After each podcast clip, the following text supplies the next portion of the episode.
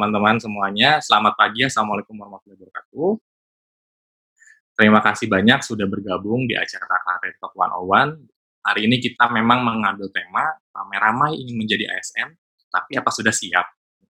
Karena banyak orang yang memang setiap tahunnya mengikuti ujian masuk ke ASN, tapi banyak juga orang-orang yang gagal dan banyak juga orang yang keterima, seperti itu. Lebih banyak gagalnya sih daripada keterimanya. Mungkin orang berpikirnya enak ya yang sudah keterima sebagai ASN seperti itu. Banyak sekali di luar sana yang berpikir menjadi ASN itu seperti ini enak. Nanti juga setelah pensiun juga di cover, banyak juga tunjangan-tunjangan dan lain-lain seperti itu. Nah, tapi ada juga yang menarik. Yang menarik adalah banyak juga teman-teman yang akhirnya join sebagai ASN dan merasa ini bukan passionnya. Merasa akhirnya kayaknya kok gini banget paketnya atau apa. Banyak hal-hal yang berkaitan dengan karirnya yang tidak sesuai dengan ketika dia ingin menjadi ASN. Nah, sebenarnya itu yang mau kita bahas di sini gitu loh. Apakah memang kita sudah siap menjadi ASN dari mulai proses rekrutmennya sampai nanti kita akan hmm, misalkan kita nanti terpilih sebagai ASN seperti itu, Angel. Jadi sebelumnya mungkin aku izin dulu Mbak Angel, kita mau coba introduction dulu karena uh, acara ini kan memang diselenggarakan oleh Brightcom Consulting. Nah, pertanyaan aku adalah untuk teman-teman, uh, siapa di sini yang pernah mendengar Brightcom Consulting? Bisa raise hand atau enggak beli reaction yang memang sudah pernah dengar Brightcom Consulting. Nah, hampir semua belum seperti itu kan. Makanya ini sebenarnya salah satu uh, apa namanya salah satu tools juga supaya kita lebih kenal teman-teman seperti itu. Nah, kemarin pendaftar acara ini itu memang sebagian besar dari mahasiswa dan juga sebagian besar ada yang entrepreneur, karyawan swasta, dan ada juga PNS yang ikutan. Mungkin PNS dari kementerian lain juga nanti mau ikut sharing juga seperti itu. Nah, makanya uh, kita memang mengaim acara ini untuk teman-teman mahasiswa dan juga fresh grade sesuai dengan judulnya Career Talk 101.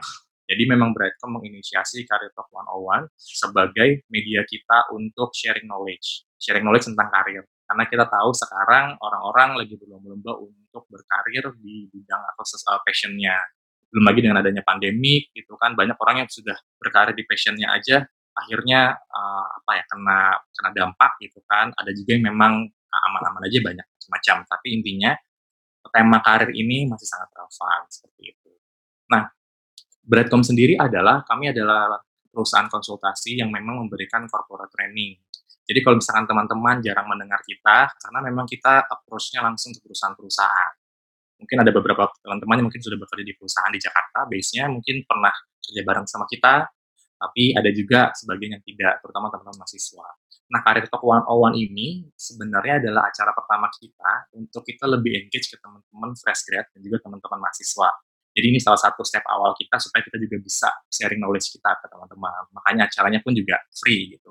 Nanti juga kita mungkin akan membuat acara yang memang berbayar tapi temanya lebih spesifik, lebih ke soft skill yang memang membantu teman-teman untuk mengapa ya, mengasah skill tertentu. Tapi untuk ini, Breadcom memang memberikan career talk yang memang acaranya free gitu. Dan juga nanti akan ada satu buku sebagai uh, special gift untuk teman-teman yang beruntung seperti itu.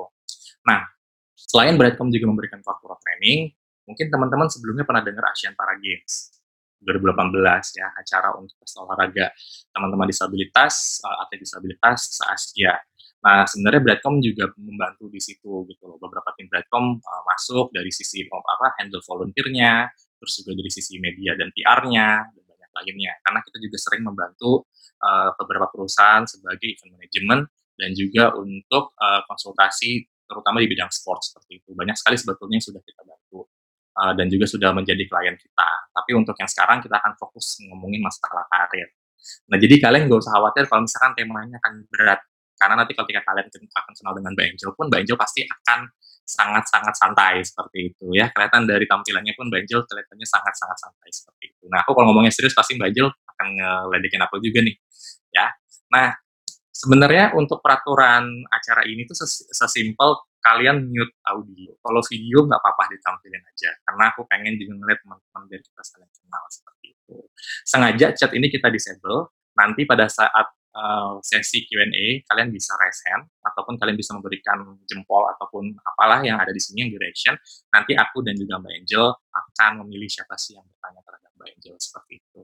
Ya, perkenalkan nama saya Reza Bramadita. Saya sendiri di Bradcom sebagai senior manager, gitu kan. Dan untuk pembicara kita saat ini give applause ke Mbak Angel Indriani, MPD.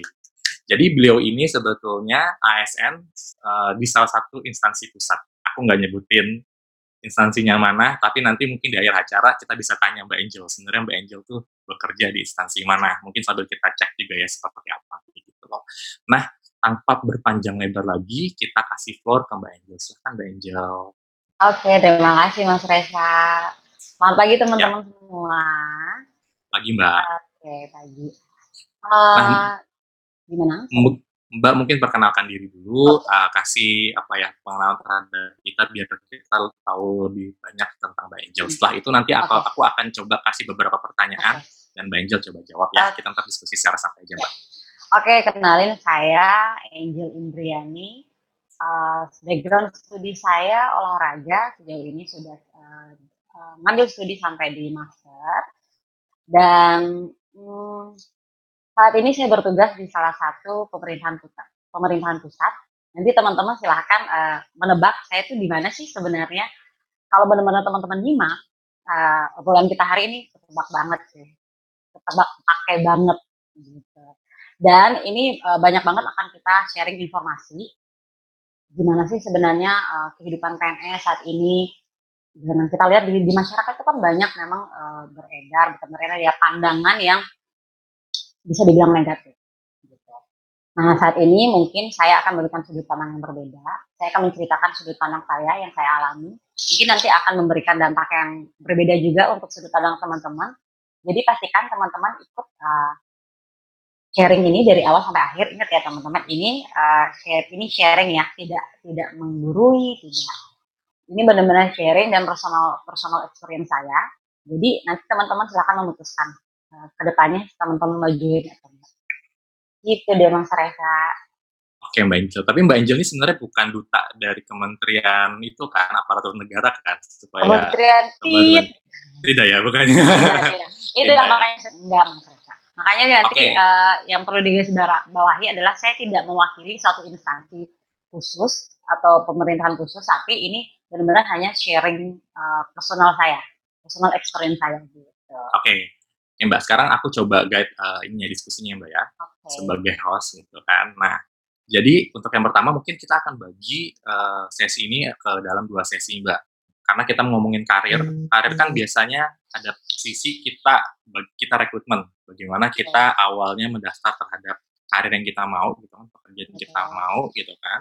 Setelah itu keterima dan juga nanti dilanjut dengan bagaimana ketika kita berkarir di perusahaan oh. tersebut seperti itu ataupun tempat kerja kita tersebut seperti itu. Makanya di sesi pertama ini mungkin aku akan bertanya mengenai um, proses apa ya sebelum Mbak Angel diterima gitu. Nah pertanyaan pertanyaan pertanyaan pertanyaan uh, sorry pertanyaan pertama saya itu sebenarnya simpel Mbak. Kita masih aja melihat orang uh, di berita ya walaupun sudah nggak banyak kayak dulu gitu kan ada orang yang ketipu gitu kan mereka bayar sekian ratus juta supaya diterima sebagai PNS atau ASN hmm. seperti itu kan daftarnya dari orang dalam dari orang apa gitu Nah sebetulnya Mbak, apa sih, uh, bukan apa sih ya, tapi dari mana sih sebenarnya informasi valid mengenai rekrutmen ini gitu loh, dan sebenarnya realita rekrutmen ini sebenarnya seperti apa pada saat ini gitu loh Mbak, ya pengalaman Mbak Angel? Oke, oke. Uh, jadi untuk teman-teman yang nantinya akan join, pastikan teman-teman mendapatkan informasi dari website resmi. Website resmi dari instansi tersebut. Bisa misalnya teman-teman mau join di kementerian, kementerian sosial, pastikan teman-teman sudah mendapatkan informasi dari situ atau teman-teman cross check. Misalnya sebelumnya teman-teman dapat dari WhatsApp ya gitu kan WhatsApp tuh gampang banget kan nyebar informasi. Nah setelah itu saran saya adalah teman-teman cross check website resmi, ingat ya resmi. Sekarang semua instansi udah punya website resmi gitu. Nah kalau sudah cross check di sana, kalau sudah checklist monggo dilanjutin daftarnya atau bisa dari website resmi instansi tersebut atau teman-teman bisa melalui BKN Tahu kan BKN teman-teman Badan Kepegawaian Negara. Nah itu biasanya BKN itu mengupload formasi secara keseluruhan. Itu di kementerian apa aja yang buka atau instansi apa aja yang buka gitu. Formasinya seperti apa, jumlah formasinya berapa gitu. Nah jadi cara cross-checknya simple sebenarnya teman-teman. Dengan uh, make sure atau uh, make sure lah kembali ke instansi tersebut, website resminya gitu. Kalau misalkan sorry. Ah, dan ini eee, seperti yang Mas Kakak bilang, gimana sih sebenarnya itu rekrutmen, eee, ada orang dalam atau gimana, ada calo-calonya gitu. Saya pribadi, eee, berani meng mem eee, speak up-kan ini bahwa memang tidak ada saya, eee, mengalami itu, adanya calo-calo tuh nggak ada. Bener-bener tidak ada. Saya tuh kaget banget. Dulu juga saya punya mindset seperti itu Mas Reza. "Ah, aduh kalau tes CPNS nih kayaknya harus pakai orang dalam deh." Waktu itu ikutnya, ya udahlah ikut dan ke sini sekarang nggak punya orang dalam, ya udahlah ikut-ikut doang gitu. Tapi ternyata saya ada sampai hari ini. Gitu. Jadi udah terbukti tuh pertanya eee, jawabannya tuh, dari pertanyaan Mas Reza yang pertama, gitu. Nggak ada. Oke, berarti memang orang-orang dalam itu nggak ada ya? Berarti kalau misalkan ada orang yang approach kita, "Yuk gue bisa bantuin lo masuk ke kementerian A, kementerian B," kayak gitu, berarti itu lebih baik kita tolak dari awal aja ya? Yes. Saya sih bener-bener bilang 100% yes, tolak. Percaya dengan kemampuan diri sendiri, kalau memang waktunya dapet, rezekinya dapat, dapat. Kalau udah berusaha, udah nyiapin semuanya, pasti. Gitu. Oke, betul. Nah, Heeh. ini Mbak, berarti kita udah tahu tuh informasi kalau ya kalau misalnya ada orang-orang tertentu atau oknum yang seperti itu lebih baik kita tolak saja. Karena memang the power of orang dalam udah nggak bisa berarti untuk, eee, di menjadi ASN ini ya, Mbak, ya. Betul Nah, betul. tapi mungkin, eee, kita balik lagi ke basic, Mbak, ini kan teman-teman nih banyak juga yang mahasiswa yang mereka sebetulnya juga, eee, mau jadi aparatur sipil negara, tapi banyak di antara mereka juga yang bingung sebenarnya potensi mereka atau enggak kemampuan mereka itu cocok di instansi mana. Mmm. Nah, waktu pengalaman Mbak Angel sendiri, Mbak Angel gimana ya akhirnya mencari misalkan, "Ah, saya akhirnya mau daftar ke kementerian A, Oke. karena kementerian A ini sangat cocok dengan saya, dengan Mmm. kemampuan saya," dan lain-lain, Mbak? Eee, Mas Reza sebelum saya jawab yang pertanyaan yang kedua ini, saya ki eee, mau sharing dulu, mau memastikan dulu kita punya pengetahuan yang sama tentang ASN sama PNS.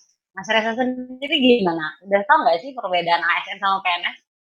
ASN, aku pikir istilahnya doang yang berbeda, kayak dulu PNS sekarang jadi ASN, bukan ya? Oke, bukan Mas Reza. Oh, bukan? Izinkan saya sharing dulu, baik. diceritakan dulu, oke, biar kita sama nih, sama nih frekuensinya nih. Baik. Oke, jadi, eee, teman-teman, ASN itu bukan kata pengganti dari PNS. Saya juga dulu sempet gitu, mikir, "Oh mungkin cuma kata pengganti doang ya, ASN aparatur sipil negara, PNS pegawai negeri sipil." Ternyata nggak seperti itu faktanya. Jadi ini mungkin teman-teman jadi bener-bener pengetahuan, bua buat yang belum tahu menjadi sebuah pengetahuan. Jadi ASN atau aparatur sipil negara punya 2 kelompok, eee, 2 kelompok pekerjaan. Yang pertama PNS, pegawai negeri sipil, yang kedua P3K, pegawai pemerintah dengan perjanjian kinerja. Nah, itu tetap disebut sebagai ASN, teman-teman, gitu. Hanya perbedaan mendasarnya, yang pertama PNS punya NIP, P3K tidak punya NIP, gitu. Kemudian yang kedua perbedaan paling men eee, yang kelihatan banget itu tunjangan hari tua.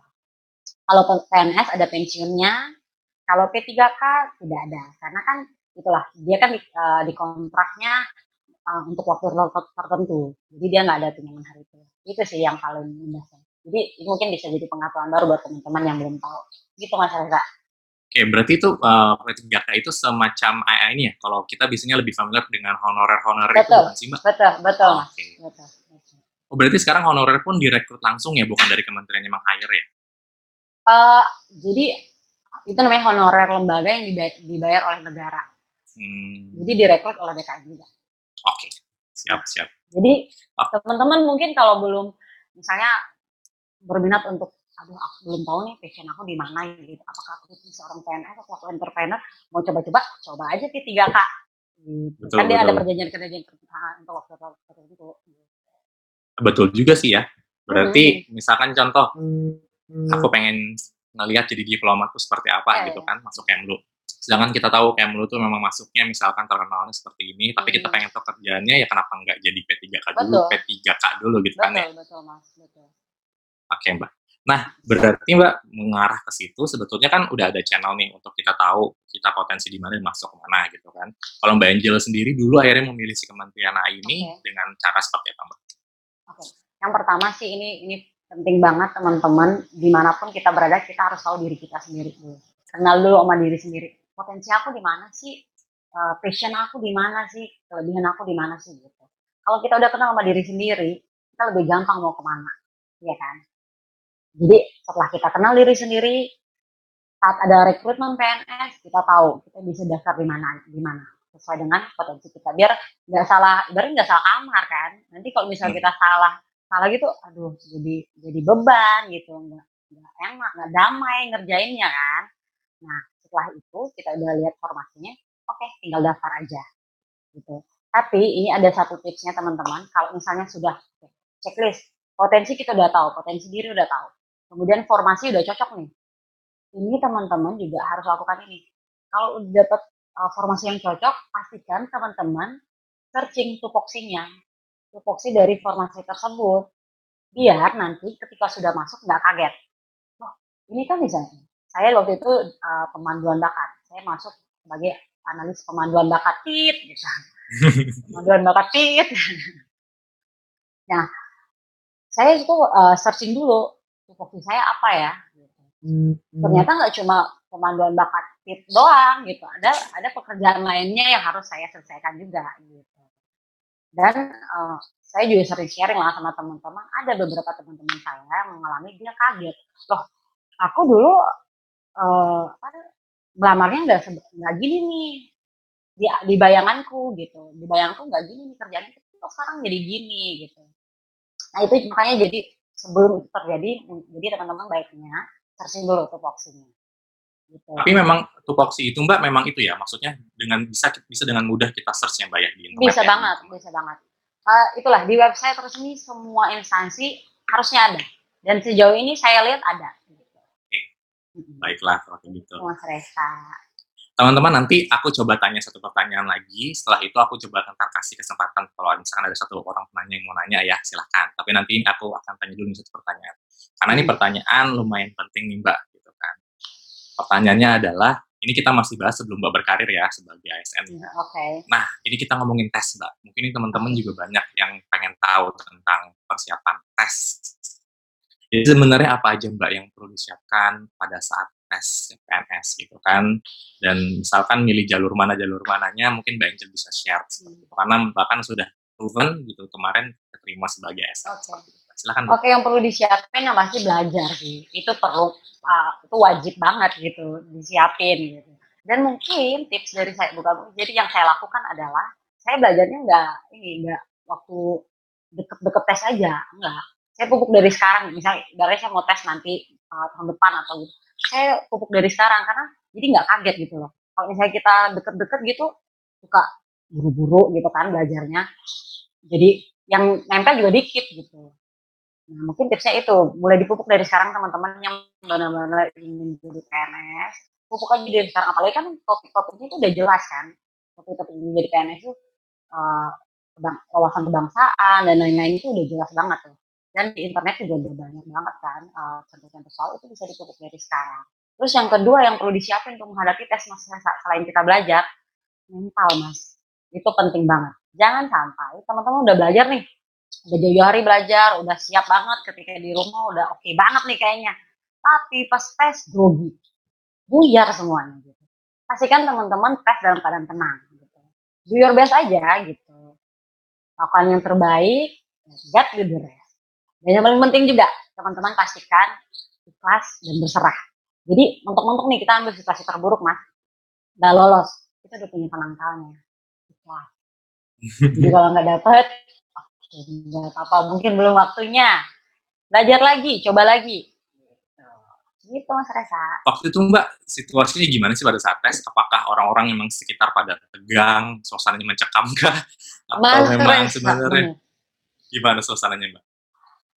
Eh, ini ya, ini saya pribadi, mungkin setiap orang beda-beda. Saya tuh tipikalnya santai banget nih. Sangat sa- cukup santai lah gitu ibaratnya. Situasinya mencekam banget, Bo, Mencekam banget ya. ember. Jadi mencekam banget. Jadi masuk ruang ruang tes itu semua udara. Jadi kayak rapi banget. Ya, memang itu yang paling bener. Rapi, lalu semua kayak penuh beban. Mukanya tegang, beban hidup banget kayaknya nih. Uh, kalau ya memang karena PNS ini pekerjaan yang banyak digantungi kan banyak orang bermimpi untuk ingin jadi PNS. Kemudian situasinya uh, masuk ruangan mencekam, kok kayak gelap ini siang hari kok gelap gitu kan ibaratnya ada apa ini gitu. Tapi ya itu balik lagi ke diri, diri kita sendiri. Kita nggak bisa kita nggak nggak bisa nge-set situasi kan. Yang bisa kita set adalah gimana respon kita sama situasi kan. Jadi balik lagi ke kita uh, lingkungan boleh tegang, lingkungan boleh mencekam, kita tetap santai aja. Soalnya kita melakukan satu hal yang benar, santuy aja teman-teman, gitu. Iya sih, memang kalau tes itu memang selalu bikin tegang ya. Mungkin Betul betul. ya itu belum interview ya, baru awal. Mungkin karena memang selalu Hmm. tempat tesnya itu kan selalu di tempat yang publik yang banyak banget gitu kan. Jadi kayak kita iya. ngelihat kayak saingan kita tuh banyak banget gitu kan di situ. Mungkin itu salah satu juga ya menambah pressure Hmm, kita. bener Mas, bener. Nah, teman-teman nih aku coba kasih kesempatan ke teman-teman yang mau bertanya. Ada nggak yang mau bertanya? Silahkan raise your hand. Iya, ada yang mau tanya nggak? Aku kasih kesempatan. Oke, ada langsung nih, cepet nih GC nih. Siti Mufarohatul Jannah. Oke, Mbak Siti, silahkan di unmute. Silahkan bertanya, Mbak. Terima kasih untuk kesempatannya. Uh, saya ingin bertanya kepada Mbak Angel. Uh, yang pertama itu sih Mbak uh, yang latar belakang Mbaknya itu buat yang sebelumnya dari background pendidikan, lalu sekarang itu memilih berkarir untuk jadi ASN. Terus kalau di ASN itu apakah semua background latar belakang pendidikannya kita itu bisa diterima? Gitu. Terima kasih.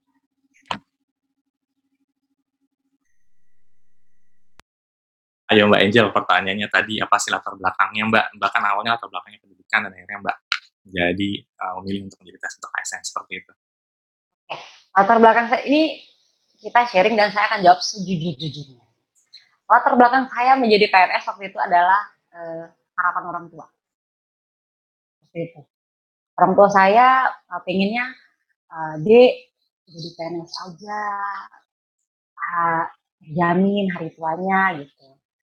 Sudah, saya kan berbakti ya, ibaratnya sama orang tua. Saya ikuti dulu, saya buat, uh, saya ikut aja semua proses. Padahal di hati saya waktu itu, saya backgroundnya bukan uh, ini, bukan bekerja di pemerintah enggak.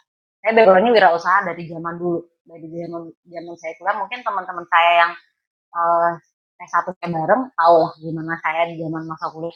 Saya itu wirausaha, background saya entrepreneur.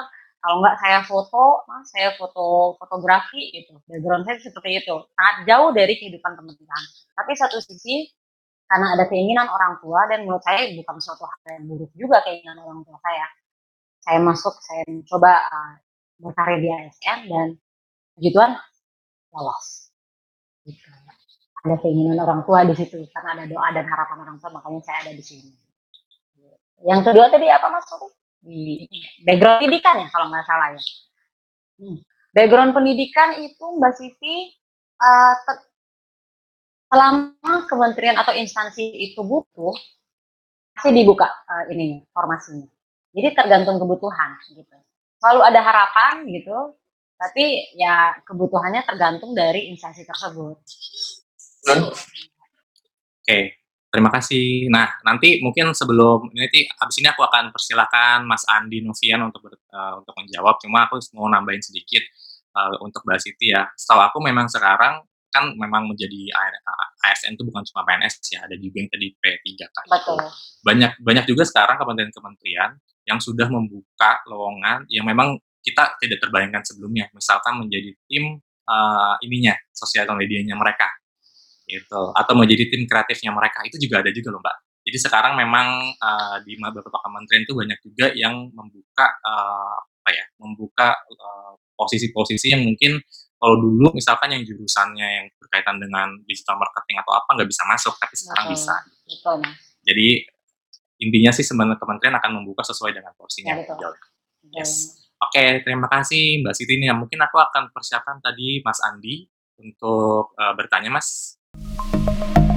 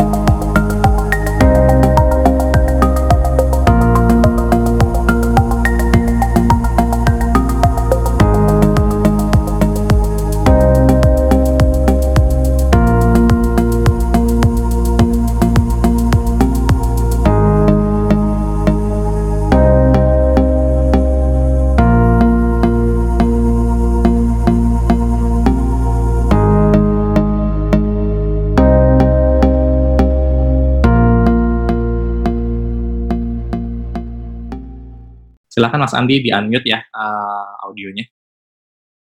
Halo? Eee, suara saya sudah masuk? Oke, eee halo, eee, i eee, ini dengan Andi.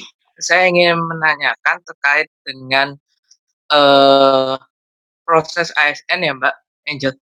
Eee, nanti ke depannya itu kalau misalnya seseorang sudah masuk ke dalam lingkup ASN, baik itu sebagai PNS atau pakai kontrak itu, apakah ada kemungkinan, eee, dia juga bisa eee, membantu untuk eh, dibantu untuk juga kelanjutan studi pendidikan? Misal karena kok melihatnya ya rata-rata PNS itu dia juga harus, eee, punya standar pendidikan yang cukup tinggi seperti S2, mungkin sampai S3 dan sebagainya. Eee, kalau seperti itu, apakah memang kita harus membutuhkannya seperti itu? Itu aja sih pertanyaan, terima kasih. Oke, terima kasih banyak Mas Andi. Pertanyaannya bagus sekali ya, gitu kan. Sebenarnya ketika kita berkarir menjadi PNS, apakah akan ada support untuk mendapatkan, eee, pendidikan yang lebih tinggi lagi? Karena kan banyak sekarang mungkin kita lihat pejabat-pejabat di kementerian kan rata-rata udah, eee, minimal master lah gelarnya, banyak juga yang PhD gitu kan, bahkan ada yang profesor gitu. Silakan langsung Mbak Angel jawabnya, Mbak. Baik, terima kasih Mas Andi pertanyaannya. Eee, tentunya ada support dari masing-masing instansi. Minimal support-nya adalah memberikan izin belajar. Kalau misalnya instansinya punya program untuk beasiswa pegawainya untuk melanjutkan studi studi, itu bersyukur banget karena akan ada biayanya akan ditanggung oleh instansi. Kalaupun tidak, yang penting, eee, Mas Andi atau nantinya semoga Mas Andi nanti lo udah lolos atau nggak tahu ya sekarang Mas Andi pos eee, pros profesinya mungkin sudah PNS atau belum. Kalau misalnya belum, nantinya Mas Andi, eee, ini, setidaknya dapat izin belajar. Izin belajar dulu, karena kalau misalnya tidak dapat izin belajar, nanti akan sulit, eee, diakuinya ininya, gelarnya, akan sulit. Kalau sudah dapat izin belajar, gelarnya diakui dan bisa digunakan untuk, eee, kenaikan jabatan atau kenaikan golongan, gitu. Support pasti ada, karena itu haknya, eee, hak PNS untuk mengembangkan diri kan, gitu. Sudah oke Mas Andi ya. Oke, terima kasih banyak kepada Mbak Siti dan juga Mas Andi udah nanya. Nanti kita akan buka lagi sesi selanjutnya. Nah, ini kita masih ngomong sesi pertama nih ya, sesi Mbak Angel sampai akhirnya masuk. Mungkin ini juga salah satu nih yang diincar sama teman-teman. Dulu Mbak, waktu tes, Mbak belajar ada nggak sih buku khusus atau enggak Mbak bilang kan internet khusus ya? Atau nyari di internet gitu yang memang dulu Mhm. jadi pedoman Mbak sama apa sih gitu? Misalkan kalau aku sih dulu mikirnya kalau aku dulu pernah SNMPTN kan ada bukunya nih yang keluaran Gramedia atau keluaran Erlangga, itu kayaknya jadi yang paling banyak jebol misalkan dari soalnya. Kalau Mbak Mhm. sendiri gimana, Mbak? Baik, eee, saya pribadi Mas Resa, mohon maaf saya tidak baca dari satu buku, enggak. Saya benar-benar belajar dari internet, tapi pola saya belajar itu, misalnya saya dapat satu soal tentang wawasan kebangsaan, saya akan baca itu secara keseluruhan, nggak cuma yang penting saya dapat jawabannya, enggak. Saya benar-benar baca semuanya, misalnya, Undang-Undang Dasar, eee, disusun di mana, itu saya akan baca semua ceritanya. Jadi itu mungkin bisa tips buat teman-teman, saya akan baca semua ceritanya, jadi pengetahuan saya nggak cuma terpatok di satu pertanyaan itu aja. Karena ini ya teman-teman, untuk tes CPNS tuh bagaimanapun, eee, jenis tesnya sudah dipatok kan. Eee, tesnya ada wawasan kebangsaan, ada intelijensi umum, ada karakteristik pribadi, dan itu benar-benar teman-teman keuntungan kita adalah sudah segitu aja nih jenis tesnya. Jadi gampang belajarnya, gitu. Kalau buku saya nggak ada Mas, tapi kalau untuk materi, saya pribadi, eee, belajar dari patokan, eee, jenis tes yang udah diberlakukan, udah diberikan gitu. Dan, eee, teman-teman tinggal bisa banget tuh sekarang baca belajar dari internet udah banyak jenis soal latihan soal Mas, di internet banyak banget dan itu sebagian besar, teman-teman saya juga sharing, dia belajar di internet dan memang banyak juga yang, eee, mirip-mirip itu, banyak banyak banget. Dan kalaupun teman-teman belajar lewat buku, sekarang banyak banget udah dijual di mana-mana buku untuk tes seleksi CPNS dan saya rasa itu benar-benar bisa dipelajari. Dan mulai dipelajari sekarang kan tebel banget kan bukunya, jangan kayak tadi yang saya bilang, jangan belajar pas udah H-1 minggu, itu nanti penuh banget nih isi kepalanya, gitu. Gitu Mas. Resa. Berarti memang sistem kebut yang semalam buat ujian tuh tidak Tidak karena tidak direkomendasikan. karena nggak ada teman kita yang biasa ngasih-ngasih jawaban kolek ini. Bener Supaya Mas dalam Reza. ruangan saingan kita dalam tanda petik ya, saingan kita karena mereka Iya. juga berjuang untuk menjadi ASN seperti itu. Oke Mbak, ini sesi pertama sangat menarik banget ya Mbak ya dari sisi apa namanya rekrutmen Mbak gimana dari Mbak mulai tes, memilih uh, instansinya sampai akhirnya Mbak Betul. terpilih. Nah. Mbak sebelum kita masuk ke sesi yang kedua nih, gitu kan, aku mau coba kasih kesempatan Mbak Angel kira-kira ada lagi nggak yang belum disampaikan mengenai Oke. proses Mbak sampai terpilih menjadi ASN. Oke Mas Reza, thank you. Ada nih teman-teman. Jadi saya dulu, dulu itu saya ikut formasi yang putra putri terbaik yang cum laude. Nah, syarat utamanya harus cum laude waktu itu. Dan harus berasal dari minimal jurusannya berakreditas A. Waktu itu formasi saya, kebetulan kalau formasi saya cuma nyari satu seluruh Indonesia. Secara pribadi saya pesimis dong. Satu doang nih seluruh Indonesia gitu kan mikirnya, aduh berat nih.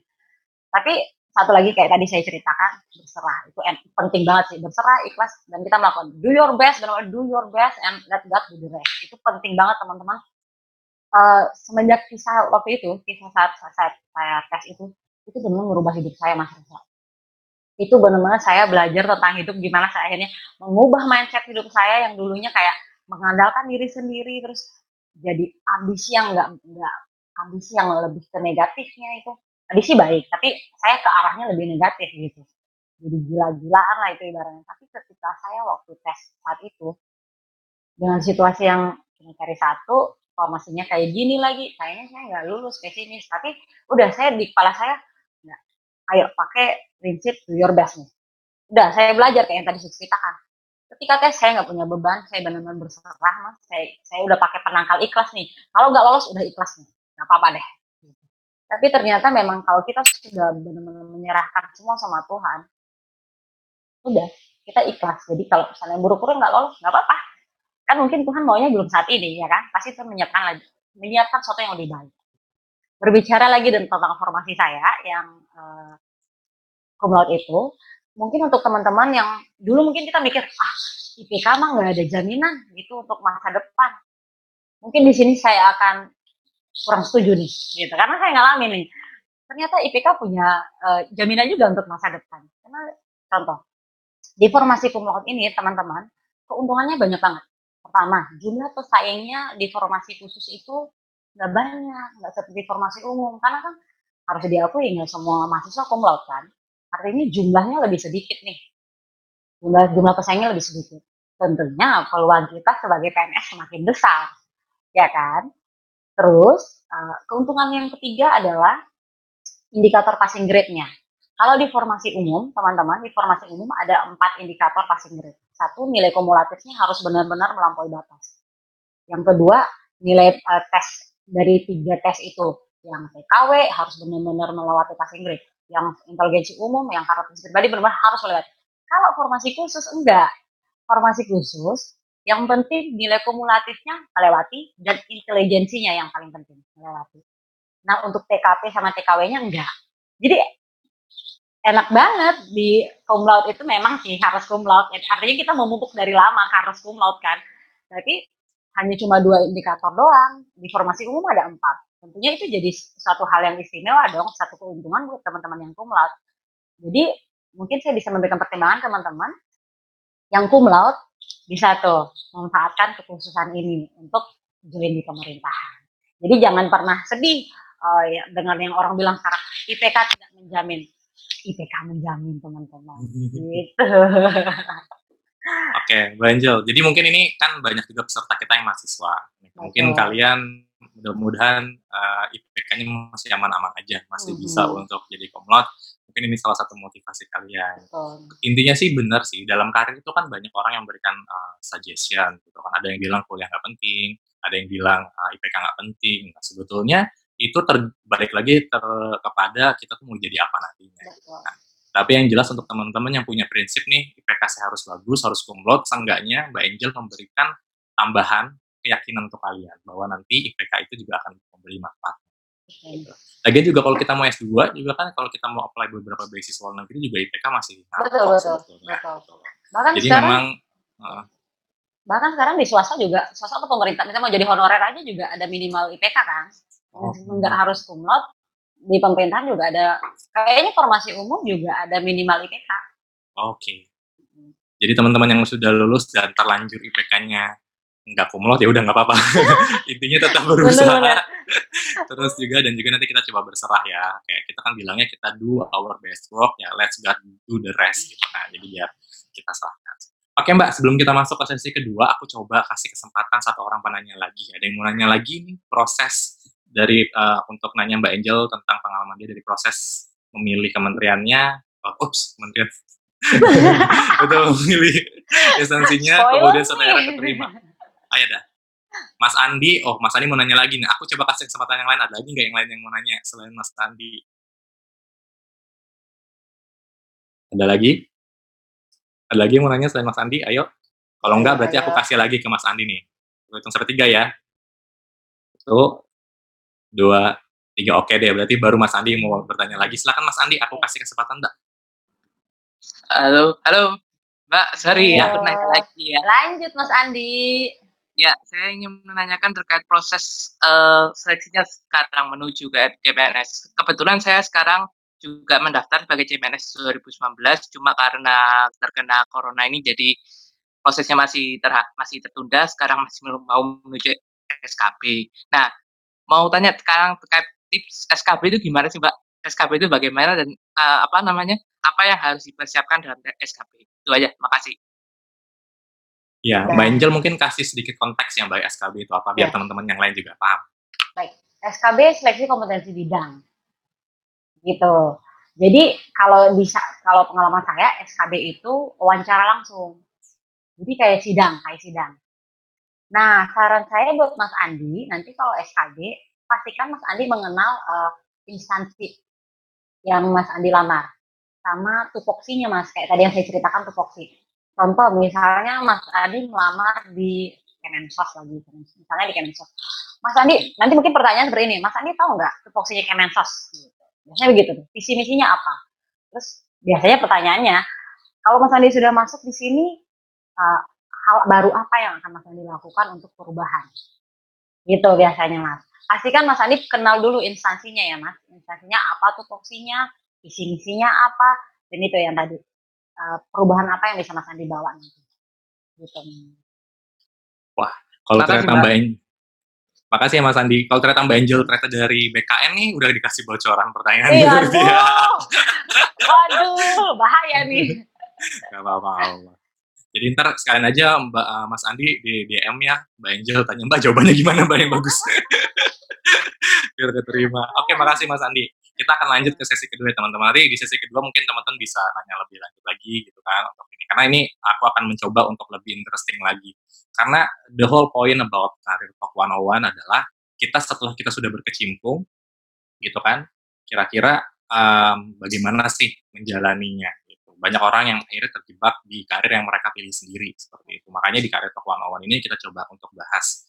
Nah, sebagai Esen sendiri Mbak, aku pengen minta tolong Mbak Angel cerita ini. Satu tahun pertama Mbak menjalani Esen seperti apa. Karena aku tahu satu tahun pertama itu sulit. Bahkan milenial-milenial sekarang nih banyak yang setelah satu mereka nggak nyampe setahun mereka udah resign. Mereka nggak betah lah, apalah gitu. Mbak sendiri gimana selama satu tahun ini? Satu tahun pertama maksud aku ya. Satu tahun pertama ya. Ya. Jadi kita flashback dulu ya. Belum move on ceritanya. Baik, eh, satu tahun pertama saya under pressure Mas Reza. Under pressure banget. Karena kayak saya ceritakan tadi background saya berbeda banget. Signifikannya berbeda, jauh banget lah perbedaannya. Saya background eh, wirausaha. Polanya aja udah beda. Ritme kerjanya beda gitu. Saya nggak biasa dengan satu hal-hal yang monoton saya nggak biasa. Tiga bulan di awal saya masuk jam 7, pulang jam 3 atau jam 4. Begitu terus tiga bulan di awal, setiap hari. Dengan pribadi saya yang nggak biasa seperti itu, benar-benar under pressure buat diri saya pribadi. Kemudian selama tiga bulan di awal, saya dikasihnya cuma silakan eh, Mbak Angel baca, eh, pelajari visi misi kantor, visi misi eh, visi misi kantor, tujuan, manfaat, kemudian eh, program kerja dan tupoksi. Tupoksi itu tugas pokok dan fungsi eh, jabatan saya waktu itu. Nah, saya pelajarin selama tiga bulan. Itu itu aja mas. Jam 7 sampai jam 4, jam 3, jam 4 saya belajar itu. Di rumah saya belajar itu. Jadi dari pribadi saya yang sangat cukup dinamis ini selama tiga bulan belajar itu, itu benar-benar buat saya pribadi, ah gini gini begini aja nih jadinya kayak kayak mungkin kasarnya kayak nggak ada yang lain nih. Rasanya pengen tahu aja gitu kan. Kasarnya kayak aduh bener-bener enggak banget gitu ibaratnya. Jadi itu jadi satu kisah kalau boleh pinjam istilah dangdut. Jadi gegana saya, Bo. Gegana gelisah galau merana selama tiga bulan itu. Jadi gegana satu itu Mas, gegananya banyak. Itu gegana satu tuh sama tiga bulan awal. Karena cuma monoton itu aja Mas. Masuk bulan ke-6 sampai satu tahun pertama. Masuk uh, tahun bulan ke-6 sampai satu tahun awal. Bulan ke-6 saya udah mulai dikasih kerjaan sebagai PIC. PIC satu satu kerjaan lah ya. Kemudian gegana lagi Mas, gegana lagi. Karena di kerjaan itu harus ngikutin proses birokrasi. Pribadi saya nggak pernah ngikutin nggak punya histori untuk melakukan proses birokrasi karena entrepreneur kita kita kaptennya sendiri, kita milih sendiri kapan waktu kita suka-suka kita dong, kita yang memutusin sendiri ya. Nah, di sini beda banget, beda banget. Saya harus ngikutin proses birokrasi. Dan itu buat saya gegana lagi, hmm, gelisah galau merana lagi deh saya. Saat itu, bahkan saya sempat kepikiran, resign aja saya. Nanti udah ngobrol saya sama orang tua. Gimana ya, maaf apa, apa resign aja. Kayaknya saya nggak tempat deh di sini. Terus akhirnya karena ngobrol, ya bersyukurnya saya ngobrol dengan banyak orang, misalnya orang-orang terdekat saya dikasih insight bahwa dikasih sudut pandang yang berbeda mas, sudut pandang yang lebih positif. Karena kan ibaratnya saya waktu itu baru adaptasi kan pengenalan under pressure, jadi mungkin pikiran saya jadi ya ke mana-mana, nggak nggak bisa melihat hal-hal yang positif gitu kan.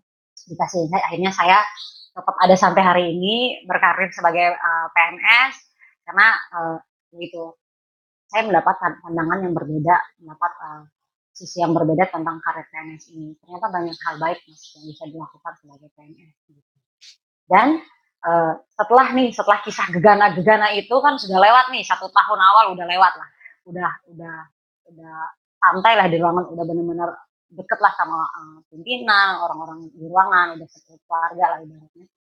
Baru deh saya tahu tuh kenapa dulu saya dibuat uh, seperti itu suruh belajar sama tiga bulan tuh kenapa gitu kan jadi uh, case gegana nomor satu itu jawabannya adalah uh, maksud pimpinan saya memberikan saya tugas seperti itu supaya saya tahu saya itu sekarang di mana rumah saya sekarang itu seperti apa saya harus berlaku seperti apa saya akan tumbuh seperti apa gitu jadi itu uh, uh, jawaban dari gegana yang pertama. Saya awalnya pikirnya negatif aja nih ini disuruh baca ini doang nih gitu kan. Ternyata ya biar saya nggak salah jalan. Saya tahu di, harus ke mana saya tahu arah saya gitu. Itu yang pertama. Terus yang kedua tentang birokrasi ya mas. Uh, saya akhirnya dikasih penjelasan bahwa betul memang birokrasi itu panjang betul mas tapi memang harus seperti itu karena kita mempertanggungjawabkan uang negara kan artinya itu benar-benar harus transparan terbuka dan sesuai aturan ya kan karena uang negara gitu buat saya itu akhirnya setelah saya dijelaskan saya juga akhirnya sepakat bahwa memang itu harus seperti itu birokrasinya. Tapi mungkin yang harus harus benar-benar diperbaiki uh, saya uh, teman-teman saya yang ASL atau PNS adalah gimana kita uh, kecepatan kita merespon dari uh, layanan publik itu gitu. Jadi nggak ada tuh nanti cerita ya bahwa ah, ya biasa birokrasi lama. Enggak. Memang seperti itu karena kita mempertahankan uang negara yang harus kita ubah ya itu kecepatan respon untuk pelayanan publik. Mungkin gitu Mas Rasa. Iya. Bisa awal. Jadi hmm. jadi intinya emang birokrasi itu adalah salah satu bagian sistem ya supaya Betul. uang yang digunakan itu memang bisa dipertanggungjawabkan. Betul, tapi catatannya karena itu sudah dalam tanda petik belibet tapi di, dipercepat gitu kan Mbak ya. Betul, betul. Jadi jangan sampai udah itu memang prosesnya layernya A, B, C, D, tapi betul. kita ngerjain layer A aja santai-santaian gitu kan. Betul, Jadi sebetulnya betul. poinnya sebenarnya di situ yang Nah Mbak, sekarang kita udah dengar cukup banyak tentang Mbak, tapi aku pribadi masih belum punya clue nih. Mbak ini dari kementerian mana ataupun dari instansi pemerintahan mana. Aku pengen ngasih satu pertanyaan yang teman-teman nanti bisa menggas atau bisa mendelap Mbak itu dari kementerian mana. Gak apa-apa ya Mbak ya? Boleh. Oke, aku mau nanya Mbak, project pertama yang Mbak pegang di tempat kerja Mbak apa? Tapi harus spesifik ya, kecuali misalkan informasi konfidensial ya silahkan Mbak okay. sampaikan. Tapi aku pengen dengar project pertama Mbak. Ataupun project apa yang paling besar misalkan yang pernah Mbak pegang? Oke. Terserah deh, dua itu deh ya. Oke Mbak. Boleh. Oke, ini pasti ketebak banget nih kalau udah di-sharingkan projectnya. Oke, project apa yang pernah dipegang? Waktu itu penyiapan dan pengiriman tim untuk event ASEAN.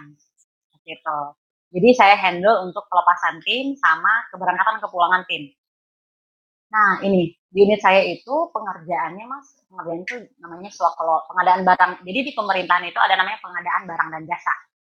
Nah, ada dua jenis. Ini mungkin jadi pengetahuan teman-teman. Mas Andi yang mau SKB bisa disimak mungkin ini.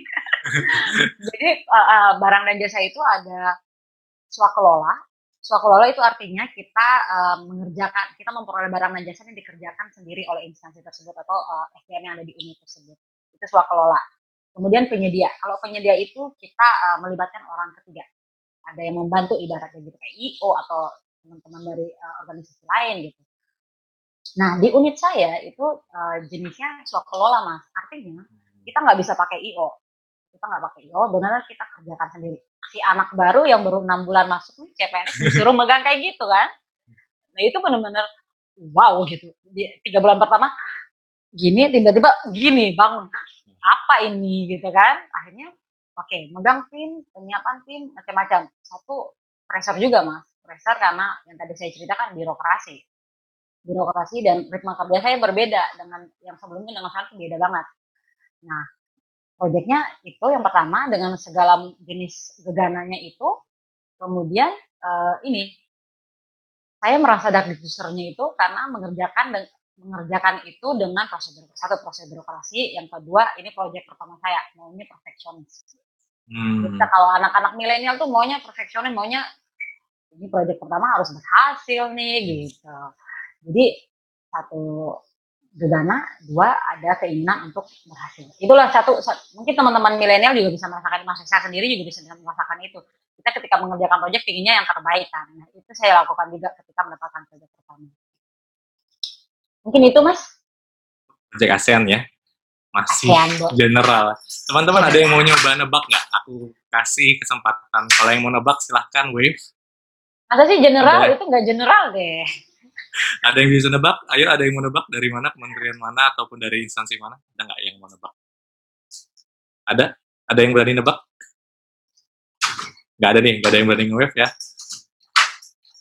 Oh iya, Mas Andi lagi. Oh, Eh, Mas Andi. kayaknya. Mas Andi lagi. Mas Andi, ayo Mas Andi kira-kira kasih uh, coba tebak-tebak sedikit Mbak. Mbak Angel Mas. dari instansi mana Mbak? Eh Mas. Mas Andi. Loh dia hilang, dia hilang. Iya. Kementerian Luar Negeri. Kementerian Luar Negeri. Di hold dulu mas, di hold, di hold jawabannya. Disimpan aja dulu. Kementerian Luar Negeri, oke siap. Kementerian Luar Negeri satu orang sudah uh, menebak Kementerian Luar Negeri. Ada lagi nggak yang lain? Ada yang mau nebak lagi nggak kira-kira? Mas Andi nih parah mana? nih Mas Andi nih. Ada lagi yang mau nebak Kementerian mana? Em, saya mau nebak nih kak, Oh iya boleh. Siapa nih? Kementerian Eh, ah, Ina. Silakan Ina. Kementerian Pemuda dan Olahraga. Kementerian Pemuda dan Olahraga. Oke. Dua. Ada kayak mulu, ada Kementerian Olah- eh, Pemuda dan Olahraga. Ayo satu lagi deh. Lagi deh. Ayo satu lagi.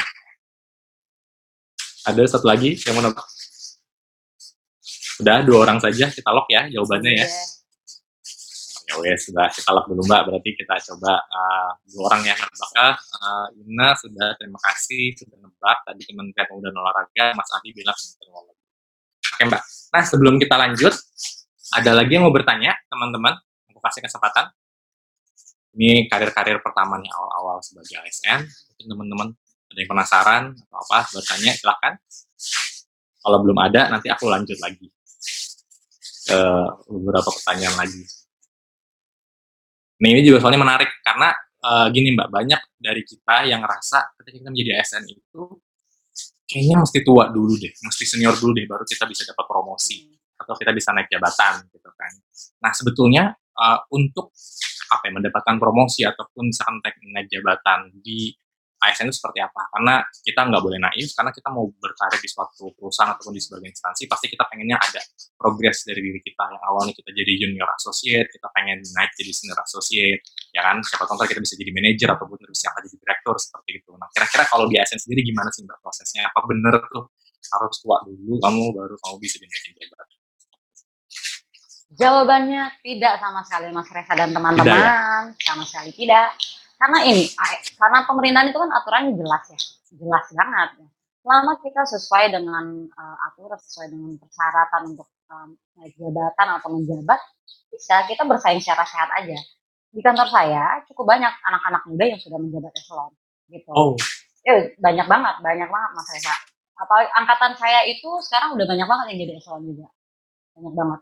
Artinya kesempatan kita benar-benar sama. Kita anak muda punya kesempatan yang sama dengan senior-senior kita selama kita persyaratannya memenuhi syarat gitu. Contohnya aja zaman sekarang Mas Reza, pemilih muda kan pemilih muda banyak yang bermunculan. hmm. Kita bisa lihat di masyarakat eh, menteri-menteri kita banyak menteri muda. Oke, mungkin eh, jabatan eh, menteri itu jabatan politik. Tapi di situ kita belajar bahwa kita anak-anak muda punya kesempatan yang sama untuk menjadi seorang pemimpin. Gitu. Laku juga di PNS atau ASN. Jadi memang udah ada jelas ya indikator-indikatornya sampai kamu akhirnya bisa naik jabatan gitu ya mbak ya Jelas banget. dan gak harus nunggu tua dulu ya mbak ya Oh, tentu tidak dong. Jadi kalau misalkan kita lihat pejabat negara itu sudah tua, mungkin kebetulan aja gitu ya dia naik jabatannya di usia segitu gitu ya mbak. Iya, jadi kan ah, benar benar benar banget. Kan kalau misalnya dia masuknya di umur yang sudah senior, artinya dia kan ketika menjabat ya senior juga. Tapi kalau misalnya karena banyak banyak anak banyak anak muda yang lulus eh, rekrutmen kan. Bahkan ada di angkatan saya yang umurnya sekarang dia 28 tahun sudah menjabat. So, Muda Oke, banget Mbak. kan, sudah menjabat. Iya sih.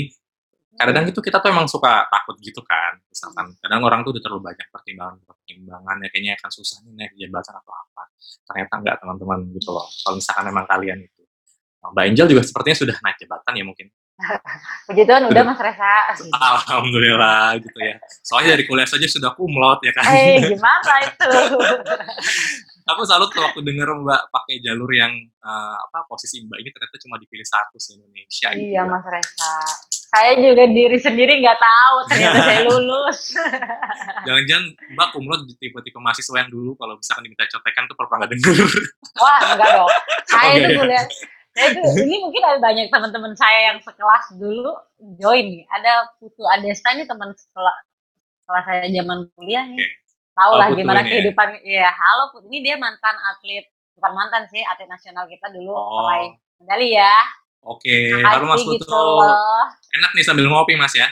Ngopi. Eh kebetulan dia suka Teman-teman- banget ngopi loh. Oh. Teman-teman yang lain juga santai ya. Acara kita ini beneran jangan dianggap terlalu serius. Jadi nggak usah Betul, malu-malu nanya, nyantai aja gitu. Makanya kan tadi di banner pun aku bilang bahwa ayo siapin catatan, siapin kopi, siapin cemilan, kita ngemil bareng-bareng seperti itu ya. Apa Jadi Mas dulu mas. Oh siap siap. aku juga ngopi. Cuma aku eh, gelasnya ini nih nggak kelihatan ya. Tuh, ada Oh, eh, ada icon-icon nih seperti ini. Oke, oke. Ini aku pakai ini karena mood aku hari ini agak deg-degan nih. Oh gitu ya, deg-degan sama, Bo. pertama kita. Yuk teman-teman, aku buka pertanyaan. Kira-kira ada yang mau bertanya ke Mbak Angel? Ayo mumpung ada di sini kalian eh, teman-teman yang mahasiswa ataupun teman-teman yang karyawan swasta, yang entrepreneur yang mungkin tertarik untuk menjadi eh, aparatur sipil negara, PNS, P3K. Yuk ini waktunya nanya, gak usah malu-malu. Yuk selain Mas Andi, oh udah ada dua nih, Mas Putu sama Mbak Ine. Ah, tadi Mbak Ine udah tebak, berarti aku pertama ke Mas Putu dulu, eh, baru ntar ke ini ya ke Mbak Ine ya. Mbak Ine tolong tunggu sebentar. Silakan Mas Putu, jangan lupa di un- eh, di unmute dulu ya. Mas. Reza, Yes. Reza mungkin manggilnya beli putu aja deh. Oh ya, beli putu, aku telinga lupa. kita Iya, yang iya, besar iya. di Bali, Mas Putu. beli, beli putu, beli putu. Oke oke siap, beli putu. Silakan beli. Beli jangan lupa Eh, ya. Halo, selamat eh, siang Mas Reza. Selamat siang. Priani, apa kabar semuanya? Baik, jadi kita reuni aja di sini ya. Tuh. Ini yang lain pada ikut nih. Mungkin udah join sih nggak kelihatan ini. Nah, Mbak Ami juga kayaknya Mbak Ami. Halo, Iya Mbak Ami. ya, Izin, benar senior. benar. Senior. Eh, izin Mas Reza, terima kasih waktunya udah meluangkan waktu apa eh, ngasih kita sharing tentang materi ini. Kalau di DSN atau P3KK tadi Mbak Angel bilang itu rawan sekali tentang eh, takut nih di monitor KPK terus nih sama yang lainnya nih. Nah, gimana caranya Kak Angel eee, untuk mengantisipasi hal-hal tersebut ya. Kalau dari segi pribadi sih saya yakin nih kayaknya sih aman-aman aja, cuma kan buat sharing-sharing teman-teman yang lain nih, gimana menjagakan takutnya tidak apa, biar eee, nggak ada hal-hal yang tidak diinginkan sih, itu aja sih. Makasih. Baik, Maksudnya apa nih, Mbak? Aku pikir nih, Mbak Angel gimana caranya biar nggak ketangkap KPK, emang Mbak Angel ngapain? Gagak. Bahaya, masa depan masih nikmat Mas Reza. Ya betul tuh Mbak, itu mungkin salah satu karena ini kita sebagai, eee, ASN menggunakan uang negara gitu kan, Iya. bagaimana sebetulnya Betul. supaya kita juga aman gitu Pertanggungjawabannya kan uang berat sesuai Mas, ke rakyat dan pemerintah juga. Betul. Betul betul. Terima kasih Mas Putu. Di-mute Oke. lagi Mas ya, jangan lupa. Yuk. Terima kasih. Sukses pengen banget tuh. Oke, kita pakai bahasa Bali ya, guys. Oke, jadi ini teman-teman, eee, benar itu ini, profesi PNS itu, profesi ASN itu sangat erat kaitannya dengan, eee, sangat cukup bersinggungan dengan KPK, karena kan dimuli uang negara dimonitor oleh KPK, BPK gitu. Nah, paling, eee, tips saya dan saya lakukan sampai saat ini adalah hati-hati teman-teman ketika, eee, bertugas. Misalnya jangan pernah, eee, dikasih uang misalnya, dikasih ada ada amplop gitu teman-teman terima, lalu ada barter gitu ibaratnya, dikasih amplop teman-teman meloloskan seseorang gitu. Tapi itu tidak sesuai dengan juknis, petunjuk teknisnya. Pastikan teman-teman tahu juknisnya, gitu. Jadi teman-teman tahu nih, batasan teman-teman ketika berlaku seperti apa, gitu. Itu hati-hati. Kemudian, eee, teman-teman juga ya pasti kembali ke diri sendiri. Ingat ada keluarga di rumah, ingat punya tanggungan, eee, di rumah, ingat ada orang tua yang juga punya harapan besar sama kita.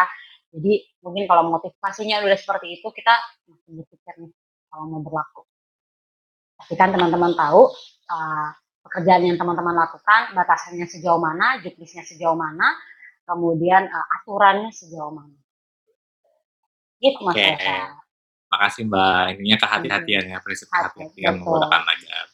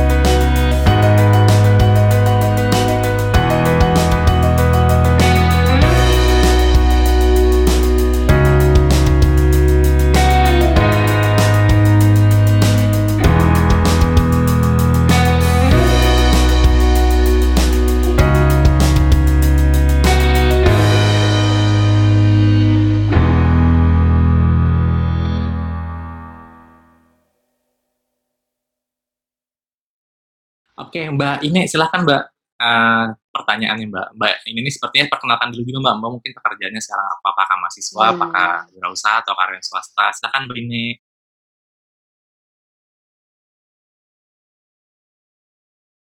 Wah, mana nih Mbak ininya? Halo Mbak ini. Halo Mbak ini. Halo Mbak, Mbak ini. Atau ada yang lain dulu? Mungkin Mbak ini agak terganggu connection-nya. Yang lain, ada lagi pertanyaan? Mungkin sambil nunggu Mbak ini aku coba oh, Mbak Cinta nih, Mbak Cinta Tiara. Oke, Iya, boleh halo. Mbak Cinta. Halo, Mbak Cinta boleh to boleh tolong dinyalakan juga videonya biar kita juga bisa kenal sama Mbak Cinta? Oke oke oke. Bentar. Itu Wendy. Halo, Mbak. Halo Mbak. Ya, perkenalkan nama aku Cinta Tiara, aku mahasiswi di salah satu kampus yang ada di Jogja. Mbak Angel mau tanya nih, kan kalau misal kita jadi jadi PNS terus kita apply beasiswa. Nah, itu kan nanti dapat surat izin untuk belajar. Nah, itu nanti apakah ada pertanggungjawaban tersendiri untuk lembaga tersebut? Contohnya, misal satu bulan sekali kita harus balik ke kantor atau gimana biar nggak lupa mungkin kayak gitu. Makasih. Oke, terima kasih Mbak Cinta. Silahkan Mbak Angel ditanya Oke. dijawab Mbak. Terkait baik, thank you Mas, thank you Mbak Cinta. Terkait izin belajar, eee, Mbak Mbak- jadi setiap setiap kemen setiap setiap instansi itu kan beda-beda. Maksudnya beda-beda, eee, teknisnya ketika izin belajar. Misalnya Mbak Cinta ngambilnya di luar negeri tentunya nggak harus balik untuk report. Jadi tergantung nanti Mbak Cinta ngambil studinya di mana nih, di luar negeri apa di dalam negeri gitu. Tapi pada dasarnya konsep izin belajar itu artinya Mbak Cinta sudah diizinkan untuk studi. Artinya tidak harus wajib ke kantor, namanya konsep izin belajar, gitu. Jadi, eee, konsep itu dulu yang dipegang pertama, tapi yang kedua kalau sudah lolos, eee, pastikan punya komunikasi yang, eee, clear dengan kepegawaian. Nah, aturan di instansi tersebut seperti apa? Apakah misalnya karena studinya di dalam di dalam kota atau di dalam negeri masih bisa dijangkau untuk kembali ke kantor sewaktu-waktu, eee, dikliarkan dulu, itu seperti apa role-nya. Kalau mi misal di luar negeri ya tentu pasti pasti mungkin aturannya berbeda lagi, pasti tidak diwajibkan atau mungkin melakukan report by email seperti itu, melakukan update by email gitu. Makasih, Mbak. Oke, sama-sama Mbak Makasih. Cinta. Mbak ini jadi mau nanya nggak Mbak atau kelupaan nurunin raise hand ya ini? Oh jadi, jadi nanya, jadi nanya ternyata. Ayo Mbak bisa silakan. ya. Iya nggak apa-apa, nggak apa-apa. Mbak lagi di mana memang? Ayo. Ayo di mana? Ayo. Iya silakan Mbak. Eh, saya mau nanya Kak Angel, eh, saya mahasiswi di salah satu perguruan tinggi swasta. Sebenarnya kan tadi kata Kak Angel eh, untuk saya interest untuk mengikuti apa untuk apply eh, ASN ini. Tadi kan kata Kak Angel untuk pertama tiga bulan pertama itu under pressure. Gimana sih Kak em, menurut Kakak eh, sebelum kita apply jadi ASN ini kita menyiapkan diri kita untuk menghadapi eh, under pressure itu dari segi mental atau soft skill mungkin? Terima Oke. kasih. Terima kasih Mbak ini. Boleh dijawab langsung Mas Reza? Boleh? Boleh. Oke. Eee, supaya nggak under pressure, eee, saran saya adalah selalu punya positive think. Selalu melihat dari sudut pandang yang berbeda. Karena saya itu waktu itu mikirnya udah negatif aja. Karena saya terbawa dengan, eee, ini, stereotype di masyarakat bahwa ASN gini gini gitu, saya masih terbawa, seperti itu. Jadi pikiran saya lebih banyak negatifnya daripada positifnya. Nah, hari ini saya mengajak teman-teman yuk diubah mindset-nya. Eee, mindset yang negatif itu diturunin dikit, dinaikin yang positifnya untuk pandangan, eee, terhadap PNS yang atau ASN pada umumnya. Gitu. Jadi pastikan kita punya positive think. Gitu. Oke. Gitu, Mas. Terima kasih. Nanti kita akan buka lagi pertanyaan terakhir ya. Ini kita sudah mau masuki sesi-sesi akhir. Nah, makanya kita ada pertanyaan yang menurut aku cukup menarik. Sambil nanti juga terakhir kita akan meminta Mbak Angel kalau emang beliau mau ya untuk uh, menjawab apakah tebakan kita tentang instansi Mbak Angel itu benar atau enggak. Dan juga nanti kita akan mengumumkan siapa sih yang akan mendapatkan satu buku dari Brightcom gitu ya dari sesi ini. Nah, Mbak pertanyaan aku sebenarnya dengan hal-hal yang uh, sebetulnya banyak juga ditanyakan oleh teman-teman. Banyak yang berpendapat kalau kita sudah masuk ke uh, jadi PNS atau ASN itu katanya nggak bisa resign mbak. Karena kalau kita ada denda lah ada inilah seperti itulah gitu loh kan. Ya mungkin aja ada beberapa teman-teman yang akhirnya ada di mudah-mudahan jangan ya maksudku ketika kita sudah uh, apa uh, kita sudah disumpah ingin menjadi aparatur sipil negara harusnya konsisten gitu kan. Tapi ada nggak sih mbak ruang-ruang untuk itu gitu loh ketika kita sudah terpilih uh, sudah sudah menjadi ASN tapi di sisi lain juga kita RM resign dengan alasan tertentu gitu. Baik. You mas Reza. Uh, resign bisa banget ya bisa banget uh, tapi pastikan teman-teman uh, kalau misalnya lolos nantinya baca kontraknya kontrak kerjanya. Karena kalau dia sekarang sih beda-beda setiap angkatan. Hmm. karena dulu angkatan saya itu kontraknya ada ada dendanya mas hmm. yang harus dibayarkan pada negara. Tapi uh, makin ke sini saya dengar udah tidak ada denda itu. Hmm. gitu tapi harus benar-benar harus uh, punya alasan yang jelas gitu. Punya alasan yang jelas mau berhentinya kenapa gitu. Dan biasanya mas uh, banyak sih banyak. Di angkatan saya ada yang berhenti ada yang berhenti hmm, karena memang dia waktu itu alasannya studi. Dia studi. Uh, karena zaman PN, CPNS itu kan tidak boleh uh, tidak boleh meninggalkan kantor di luar jam kantor. Itu benar-benar tidak boleh banget karena uh, kehadiran itu benar-benar jadi suatu indikator utama untuk penilaian CPNS kan nah jadi nggak diperkenankan akhirnya beliau mengambil langkah untuk resign dan dengan konsekuensinya yang pasti oke okay. ya biasanya teman-teman kalau uh, di dunia per PNS-an ini uh, untuk resignnya alasannya keluarga, pendidikan biasanya itu. Kalau enggak ingin berwirausaha. Hmm. Peluang usahanya mungkin di wirausaha lebih tinggi, peluang peluang suksesnya lebih tinggi mungkin di wirausaha mungkin jadi diambillah langkah untuk resign dan berkarir di wirausaha. Biasanya gitu. Oke, intinya selalu ada ruang untuk itu ya, Mbak. Selalu ya? ada, selalu ada. Yang tapi ini Mas, hati-hati. Jangan yang penting kalau resign, monggo resign di, uh, diberhentikan dengan terhormat, jangan sampai di, diberhentikan. Oh iya betul ya.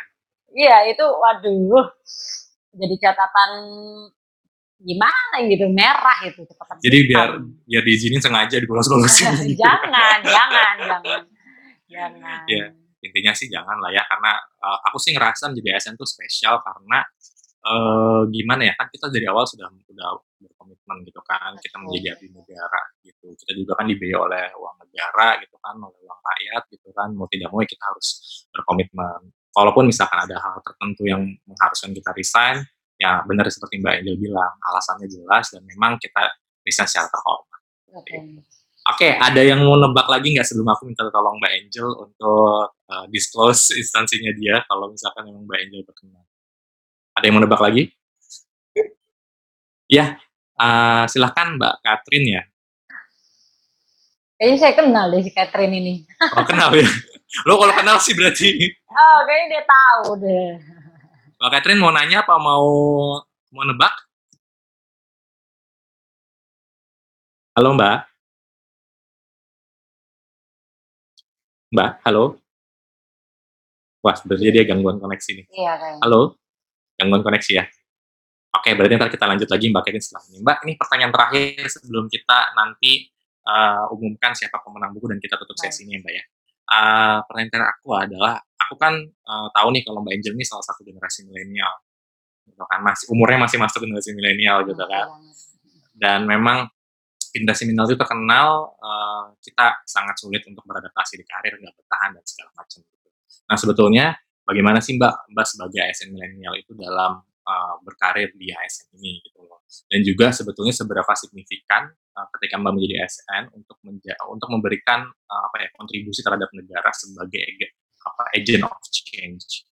Um, kita masuk ke negara ke lembaga pemerintah harusnya kan kita punya uh, power lebih untuk kita create something yang memang buat bikin negara kita atau bangsa kita lebih bagus lagi. Gitu. Menurut pengalaman Mbak Angel yang selama lima tahun sudah bekerja. Okay uh, yang pasti kita punya mindset dan punya prinsip mas apalagi di ASN PNS ini kita harus harus punya prinsip melayani itu dulu yang pertama melayani itu penting banget kita pegang sebagai PNS penting-penting pakai banget nih. Karena itu memang tugas kita. Melayani publik itu tugas kita yang utama.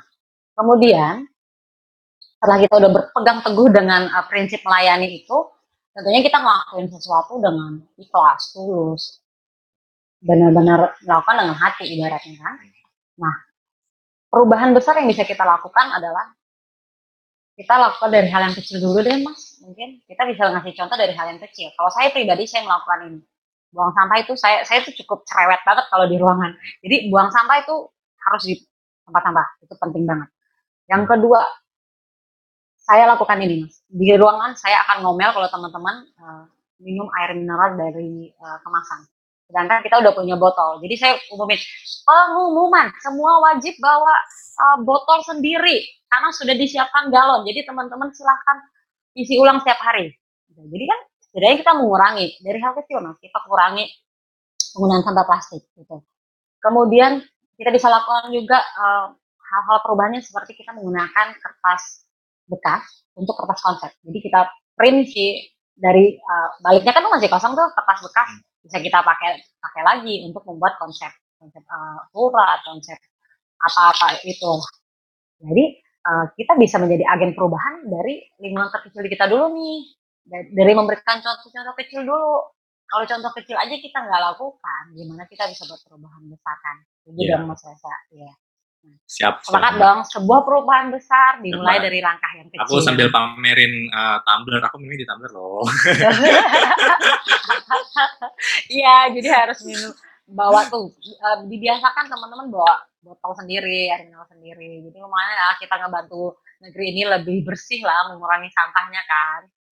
Nah untuk jadi agen ya, agen perubahan itu benar-benar harus mulai dari diri sendiri. Karena uh, jadi ayo kita sama-sama berubah, ayo kita menjadi agen perubahan buat diri sendiri dulu, kemudian bisa berdampak sama orang sekitar, berdampak buat insan kita, berdampak buat negara. Gitu. Oke, okay, gitu, makasih karena, Karena ini mas pentingnya ah. nih, ini mungkin uh, terakhir teman-teman bisa diingat nih karena dunia ini butuh lebih banyak orang baik. Oke, okay? sepakat? Sepakat, Mbak. Sepakat.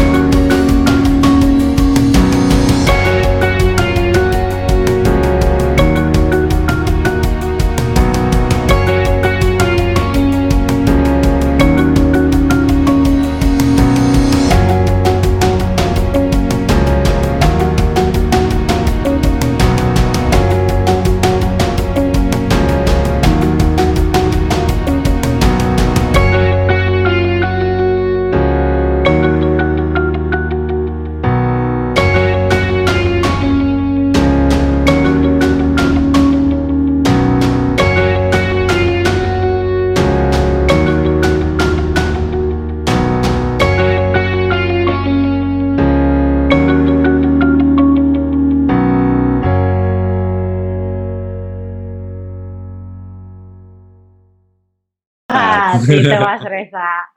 Jadi yang Banjul ini sangat ASN sekali ya, memang seperti uh, perwakilan dari uh, pegawai negara, jadi memang sangat-sangat memberikan masukan yang positif. untuk kita semua ya, Mbak, ya. Thank you, Mas Reza. Ayo sebelum aku, eee, umumkan Mbak Angel dari instansi mana dan juga umumkan menang buku, aku coba, eee, kasih kesempatan ada lagi yang mau bertanya, 1 orang lagi terakhir yuk. Yuk. Mbak Catherine ini kepencet raise hand-nya atau gimana ya? Mungkin kepencet Ayo, kali. kepencet ya. Ada lagi nggak satu satu lagi pertanyaan? Ayo, ada lagi? Oke, ada 2 nih. Ada, eee, Mbak Diah dan juga ada Putu Rusmiati. Mungkin ke Mbak Diah dulu kali ya yang pertama ngacung. Setelah ini Mbak Putu, eee, standby ya, kita akan, eee, kasih kesempatan untuk bertanya. Silakan Mbak Diah. Iya, selamat pagi. Makasih Mas Reza, mau nanya ke Mbak Angel, pernah nggak, eee, ke instansi nih, pernah nggak kepikir mau pindah instansi atau pindah, eee, bagian gitu Mbak, karena bosen atau apa? Makasih. Mhm. Oke, Mbak Diah, eee, pekerjaannya apa Mbak kalau boleh tahu? Eee, saya freelancer. Oh, freelance. Iya, Oke Mbak, freelance terima aja. kasih. Iya. Makasih ya Mbak Diah, itu aja pertanyaannya ya. Oh, Mbak Diah ini freelancer? Yang bener Freelancer. dong.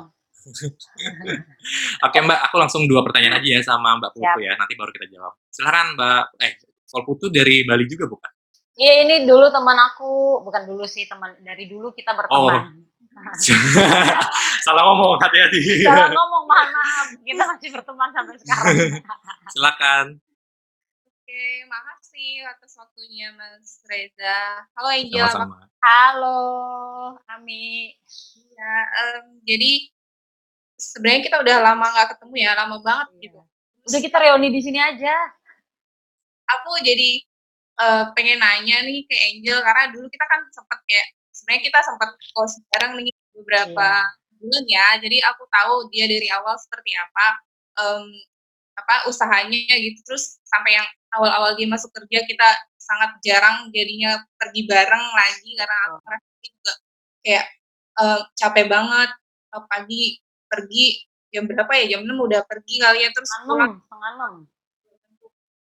Nah, eee, aku mau tanya ke Angel deh, eee, gimana sih caranya mengatur waktu, mmm, ya mungkin karena sekarang udah 5 tahun udah terbiasa mungkin ya, tapi dari sampai sekarang itu apa nggak ada rasa bosan, terus gimana caranya me-manage ya pokoknya waktu sehari-hari untuk supaya bisa quality time atau, mmm, sama keluarga atau bisa me time gitu kan, kan perlu gitu supaya nggak, eee, apa ya, supaya nggak bosen banget gitu. Kerja sih oke, cuman, eee, kerja sih oke, cuman kayak, eee, kita butuh refreshing juga gitu. Sorry ya sambil menganga Ih, gemes. Makasih. Ayo Mbak Angel dijawab tadi 2 pertanyaannya. Oke, Yang pertama dari. Mbak Mbak Diah ya kan, Yes. eee, terpikir nggak sih untuk pindah, eee, tadi kementerian ya, Iya iya. pindah instansi gitu, dan yang kedua bener tadi aja. cara manage waktu setelah Betul. menjadi ASN seperti apa? Oke. Untuk pertanyaan pertama dari Mbak Diah, eee, terpikir nggak sejauh ini kalau untuk pindah kementerian, mmm, pengen banget itu enggak. Sejauh ini pengen banget enggak. Karena saya posisi saya saat ini di instansi saya lah saya merasa kerja sesuai passion saya. Kenapa saya bilang saya berani bilang itu sesuai passion saya, karena ketika saya ngerjain suatu hal yang sulit, sampai capek, kurang tidur, Mas, saya masih bahagia gitu ngelakuinnya. Itu nikmat banget dapat kita bisa dapat eee, dapat sensasi itu tuh luar biasa. Kemudian kalau pindah bagian, eee, itu terserah dari kantor kan kita kontrak pertama tanda tangannya siap ditempatkan di mana saja. Monggo dari kantor mau, eee, dipindahkan ke bagian yang mana yang sesuai dengan background, itu udah hak kantor, udah bukan, eee, hak saya lagi itu, Mas.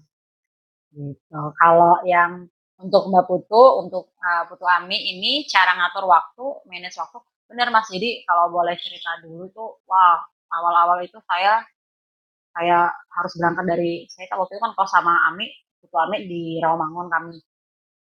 Kantor saya jauh kan, jadi harus bangun setengah eee, harus berangkat, Mas. Ini berangkatnya setengah setengah 6 pagi, sampai kantor harus jam 7 karena jam waktu dulu jam kantor saya jam 7. Jadi sebelum jam 7 harus sudah tiba di kantor. Jadi, uh, bener-bener deh itu pagi-pagi kantor, kemudian zaman itu saya masih kuliah, pulang dari kantor after itu, after office harus bimbingan, Mas. Bimbingan dulu, saya bimbingan, habis bimbingan saya revisi dulu, habis itu ngantor lagi. Apalagi kalau udah event, Mas. udah event itu kita ngeri banget. Mas Reza tahu kan kalau kita event itu kayak gimana, eee, waktu waktunya itu kayak susah banget gitu zaman dulu. Tapi akhirnya makin ke sini ke sini ke sini udah bisa membuat sistem udah buat, eee, sistem untuk diri sendiri memanage waktu. Jadi sekarang paling saya after jam kerja jam kantor, saya tidak akan membalas atau membaca, eee, hal-hal yang berhubungan dengan kantor. Oke mungkin baca oke, tapi untuk merespon tidak. Dan saya saya saya komunikasikan Mas sama pimpinan saya, "Pak mohon maaf, mohon izin saya untuk, eee, saya prinsipnya ketika weekend at atau jam setelah jam kantor, saya tidak akan membalas atau merespon dari, eee, urusan kantor kantor." Apalagi hari Minggu kebetulan ya bukan saya Kristiani Mas, jadi hari Minggu itu waktu saya untuk, eee, beribadah dan hari Sabtu waktu saya untuk keluarga. Gitu, yang penting udah dikomunikasikan aja. Gitu Ketua Ami. terima begitu. Terima kasih banyak nih Mbak Angel ya. Aku setelah ini mungkin sesinya udah selesai, kita mungkin tepuk tangan dulu ke Mbak Angel, yuk kita kasih reaction bareng-bareng ke Mbak Angel, aku kasih reaction tepuk tangan ke Mbak Angel. kasih. Tapi ini belum selesai ya, aku pengen penasaran. Nanti Mbak coba tolong infoin Mbak dari mana. Tapi nggak apa-apa kan? Nanti Mbak mau jawab kan? Mau dong. Aku tebak dulu ya. Oke. Menurut aku Mbak ini dari Kementerian Lingkungan Hidup dan Kehutanan. Kenapa coba? Karena ini daur ulang ya, daur ulang bawa Gara-gara daur ya. ulang bawa botol sendiri. Jangan-jangan Mbak ini dari situ. Oke Mbak, silakan Mbak, eee, dijawab dulu. Oke teman-teman, aku saat ini bertugas di Kementerian Pemuda dan Olahraga. Oh. Kementerian Pemuda dan Olahraga ya. Di Iya. bagian apa Mbak? Kalau boleh tahu? Aku unitnya spesifiknya pembibitan olahraga. Pembinaan Jadi yang olahraga ya? muda-muda, yang bibit-bibit itu kita bibit-bibit, makanya muda terus. Oh gitu ya. Teman-teman mungkin yang atlet atau aku punya potensi sebagai, Betul. eee, apa ya, atlet mungkin bisa nanya-nanya gitu ya. Nanti kalau misalkan kalian pengen, eee, ini, pengen ngobrol lebih jauh dengan Mbak Angel, nanti silahkan DM kita aja di Instagram.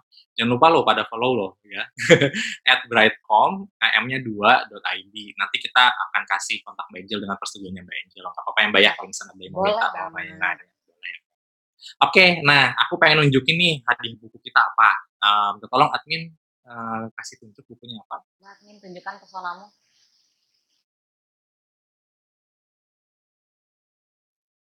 Ayo admin, apa bukunya? Ayo.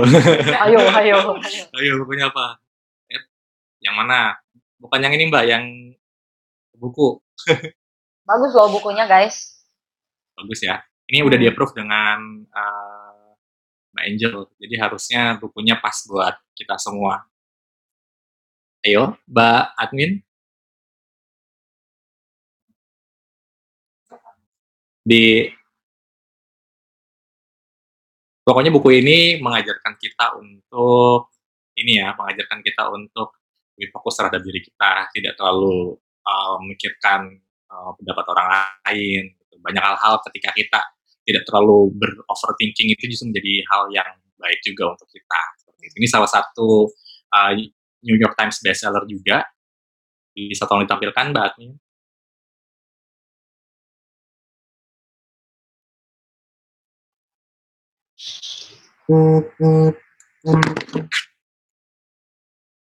Atau Mbak admin boleh tolong ini, apa, jadikan saya sebagai host, nanti aku coba bantu share dari laptop aku.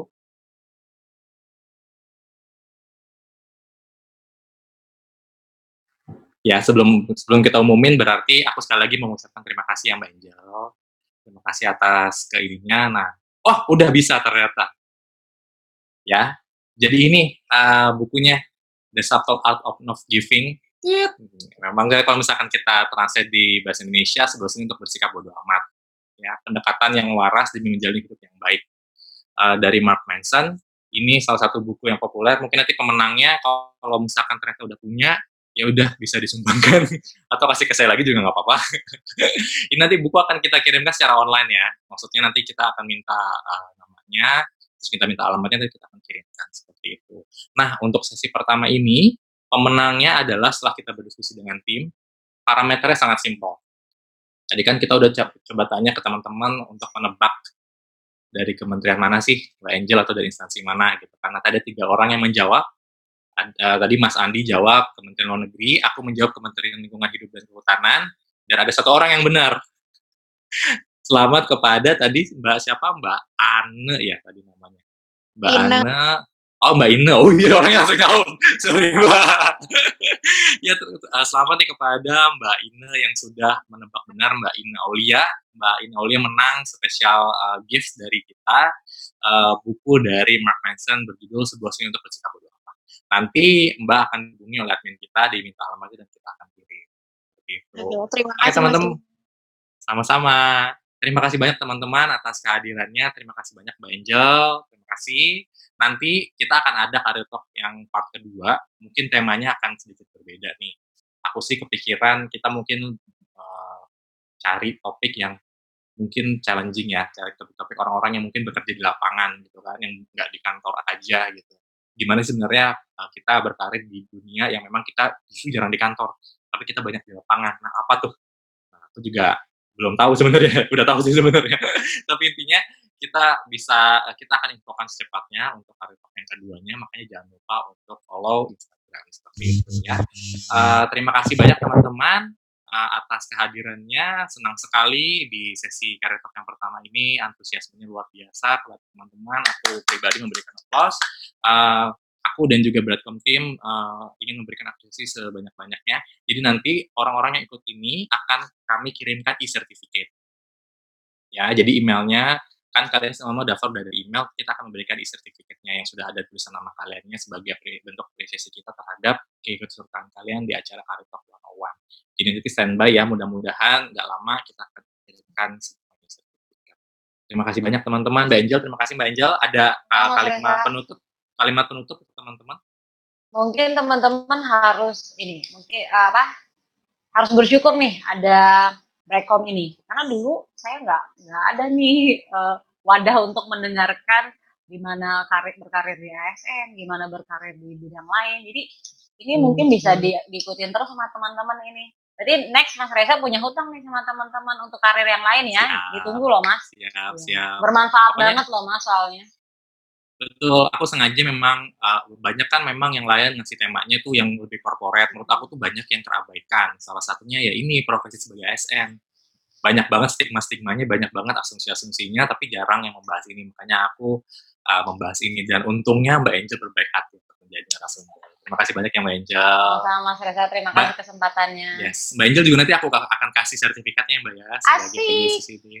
Cuma Iya. sayangnya karena ini nggak offline, jadi aku nggak bisa ada sesi pemberian itu loh Mbak. Social distancing, social Social distancing kita. distancing. Siap, Iya. oke. Sekali lagi kita akhiri dengan kita, eee, kasih clap bareng-bareng sama aku mungkin akan record dulu untuk Insta Story, nanti aku akan post coba di Insta Story. Yuk teman-teman yuk, minta tolong wave-nya.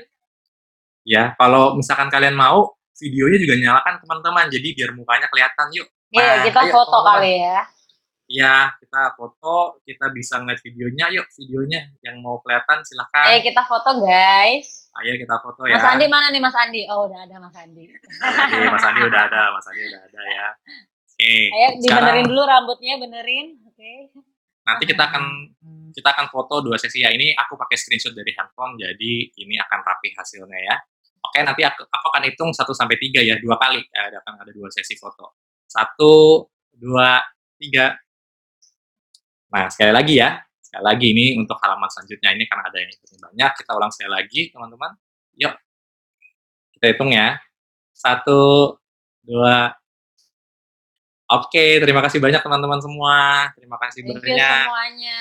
Pokoknya untuk Career Talk selanjutnya update di Instagram kita aja semua informasinya akan di situ. Oke. Terima kasih banyak. Kita pamit. Bye Mbak Angel. Thank you ya Mbak Bye bye Angel semuanya. Sehat-sehat. Bye semuanya. Thank you. Ya. Aku hitung mundur 5 4 3 2 1 aku akan. Oke, 5 4 3 2 1. Bye.